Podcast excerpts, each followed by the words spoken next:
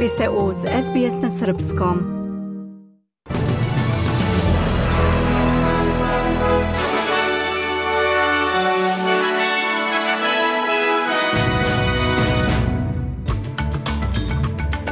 Kina prekida kontakte sa Amerikom dok Washington želi nastavak razgovora sa Pekingom.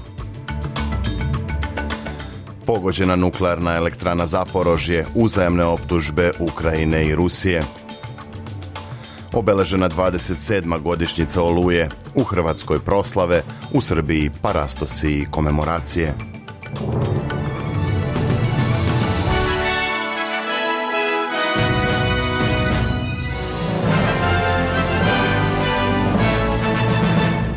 Sjedinjene američke države pažljivo prate događanja oko Tajvana posle posete predsednice predstavničkog doma Nancy Pelosi tom ostrvu. Kako poručuju iz Bele kuće, oni prate situaciju dok Kina nastavlja da iskaljuje svoj bes zbog posete Pelosijeve. Državni vrh Kine je objavio da prekida svaki kontakt sa Sjedinjenim državama o glavnim pitanjima, uključujući tu i ključni dijalog o saradnji u oblasti klime koji je doveo do Međunarodnog parijskog sporazuma 2015. Portparol Bele kuće za nacionalnu bezbednost John Kirby kaže da SAD ne žele da izazovu krizu. On je poručio da Bidenova administracija želi da nastavi da razgovara s Kinom. We've seen these kinds of responses from China before, so Videli smo ovakve odgovore iz Kine i ranije. Koliko god da je to neodgovorno, koliko god da je nesrećno za međunarodnu zajednicu, posebno u pogledu klime, to je deo njihove strategije. Mi ćemo nastaviti naše napore da zadržimo otvorene linije komunikacije s Pekingom, dok istovremeno branimo naše interese i vrednosti u regionu, kazao je Kirby i vlada Australije se ponovo bavila sporom između Kine i Sjedinjenih država. Kako prednosi Sydney Morning Herald, ministar odbrane Richard Miles je rekao da kineska vojna operacija u blizini Tajvana predstavlja kršenje pravila Ujedinjenih nacija koja zahtevaju od zemalja da osiguraju mir i sigurnost u međunarodnim vodama. Kina tvrdi da tajvanski Moreuz nije deo međunarodnih mora, ali Mals kaže da to nije tačno. On je istakao da je konvencija UN-a o zakonu o morima prihvaćeni deo globalnog poretka zasnovanog na pravilima i da se odnosi i na ovu situaciju. U pojasu Gaze ponovo je došlo do eskalacije sukoba između vojske Izraela i palestinskih snaga. U raketnim udarima izraelskih trupa poginulo je najmanje 10 osoba, nakon čega je pokret Islamski džihad raketirao delove centralnog i južnog Izraela. Sjedinjene države traže deeskalaciju tenzija na Bliskom istoku, do kojih je došlo više od godinu dana nakon 11-dnevnog rata između Izraela i Hamasa u maju 2021 ciljeve.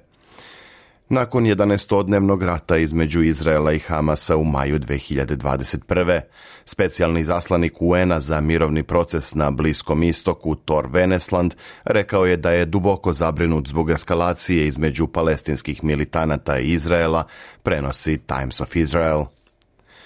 Rusija i Ukrajina se međusobno optužuju za granatiranje najveće evropske nuklearne elektrane Zaporožje, prenosi Reuters.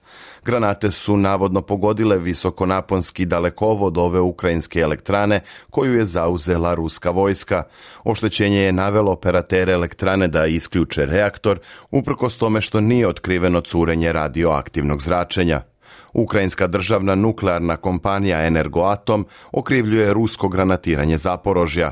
S druge strane, ruska administracija obližnjeg grada Enerhodara kaže da je ukrajinska artiljerijska vatra prekinula linije na elektrani koje su zauzele ruske snage početkom marta u početnoj fazi rata.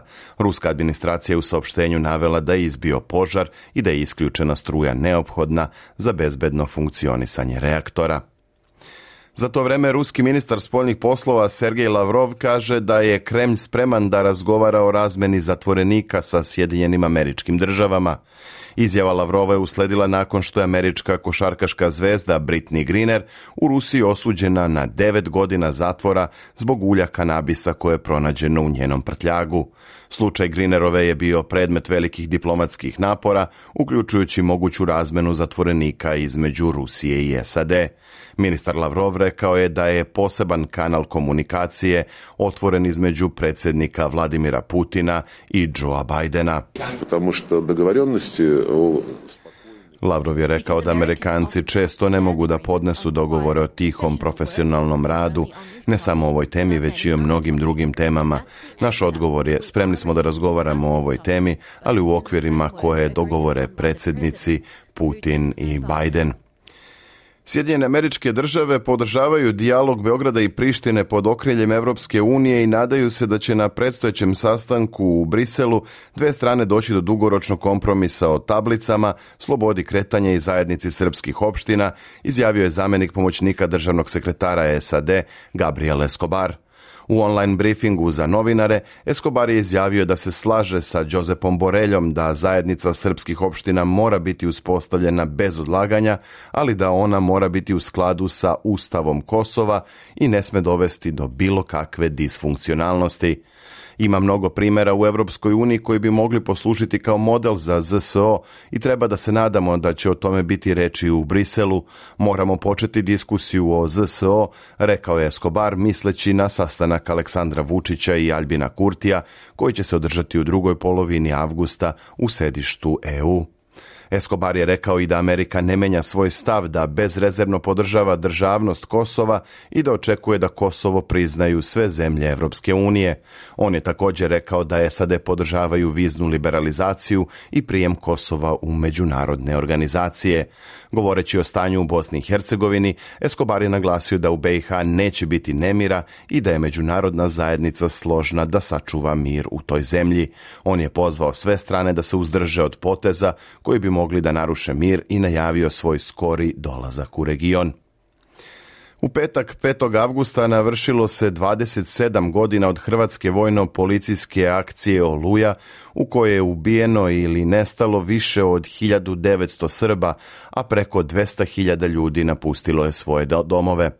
Godišnjica Oluje ponovo je na različite načine obeležena u Hrvatskoj i Srbiji. U Hrvatskoj ovaj dan proslavljen kao dan pobede, dok su u Srbiji održavani parastosi za žrtve i komemorativni skupovi. Parastosi su služeni i u više pravoslavnih hramova u Hrvatskoj, javlja radio televizija Srbije. Centralna državna manifestacija u Srbiji održana je na Trgu Slobode u Novom Sadu. Građanima se obratio predsjednik Srbije Aleksandar Vučić, koji je podsjetio da država već devetu godinu na ovakav način obeležava pogrom i, kako je rekao, najveće etničko čišćenje jednog naroda. Nikada nećemo zaboraviti patnju krajiškog čoveka, Srbina iz krajine koji je stradao, koji je proteran, koji je izgubio svoju zemlju i svoju kuću, svoju decu, svoje roditelje. I kao što vidite, ne plašimo vas se. I večeras na trgu u Novom Sadu u poslednjih devet godina ubedljivo je najveći broj ljudi. I to govori da se Srbija osvešćuje, da Srbija zna da pamti, da Srbija zna da se seća, da Srbija ume da poštuje tuđe žrtve, ali ume da čuva i sećanje na svoje žrtve. Skupu u Novom Sadu su pored državnog vrha Srbije prisustvovali i srpski član predsedništva BiH Milorad Dodik i predsednica Republike Srpske Željka Cvijanović. Parastos žrtvama oluje služio je patrijarh srpski Porfirije. Istovremeno u Hrvatskoj je godišnjica Oluje obeležena kao dan pobede. Na centralnoj manifestaciji u Kninu predsjednik Hrvatske Zoran Milanović je poručio da Hrvatska nema čega da se stidi, da mora glasno da zagovara svoje interese, a odgovorio je i na optužbe iz Srbije o etničkom čišćenju, podsjetivši ponovo da je za odlazak stanovništva kriv Beograd koji je odbio plan Z4. Oluja i odlazak velikog broja građana srpske nacionalnosti iz ovih krajeva I svi mi znamo koliko su tu stvari jasne. To je ljudska tragedija, ali to ljudskoj tragediji prethodila je ljudska pohlepa i ljudska glupost vlastodržaca u Beogradu, kratkovidnost i oholost onih koji dane prije oluje nisu htjeli pristati na plan Z4, Pred kraj pregleda vesti informacija da je Australijski savet za borbu protiv raka The Cancer Council uputio poziv starijim Australijancima da se testiraju na rak creva umesto što gledaju mobilne telefone dok su u toaletu. U okviru nove kampanje podizanja svesti o raku debelog creva sprovedeno je istraživanje među više od hiljadu starijih australijanaca.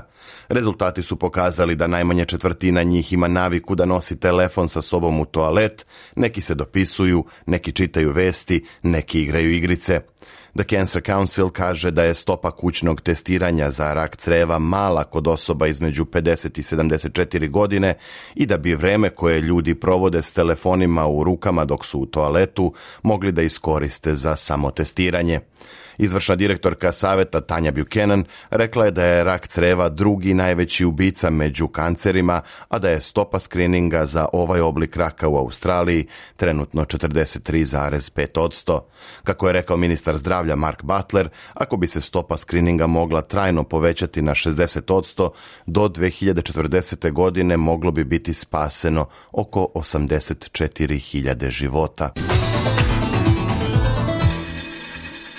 Na međunarodnoj berzi valuta jedan australijski dolar danas vredi 69 američkih centi, 68 euro 57 britanskih penija i 79 srpskih dinara i 55 para. Evo i vremenske prognoze za nedelju 7. avgust. U Sidneju moguća kratkotrajna kiša, maksimalna temperatura 18 stepeni. U Melbourneu također mogući pljuskovi 14, a u Kamberi oblačno i 14. Sutra u Adelaidu prestanak padavina i 15 stepeni, dok se za Pert najavljuju pljuskovi i 18. U Brisbaneu sunčano 22, na Tasmaniji kiša i 11, a u Darwinu vedar i topao dan do 32 stepena. Bilo je to sve u pregledu vesti SBS radija na srpskom jeziku za subotu 6. avgust 2022. Za sve ostale informacije posetite naš sajt sbs.com.au kosacrta news.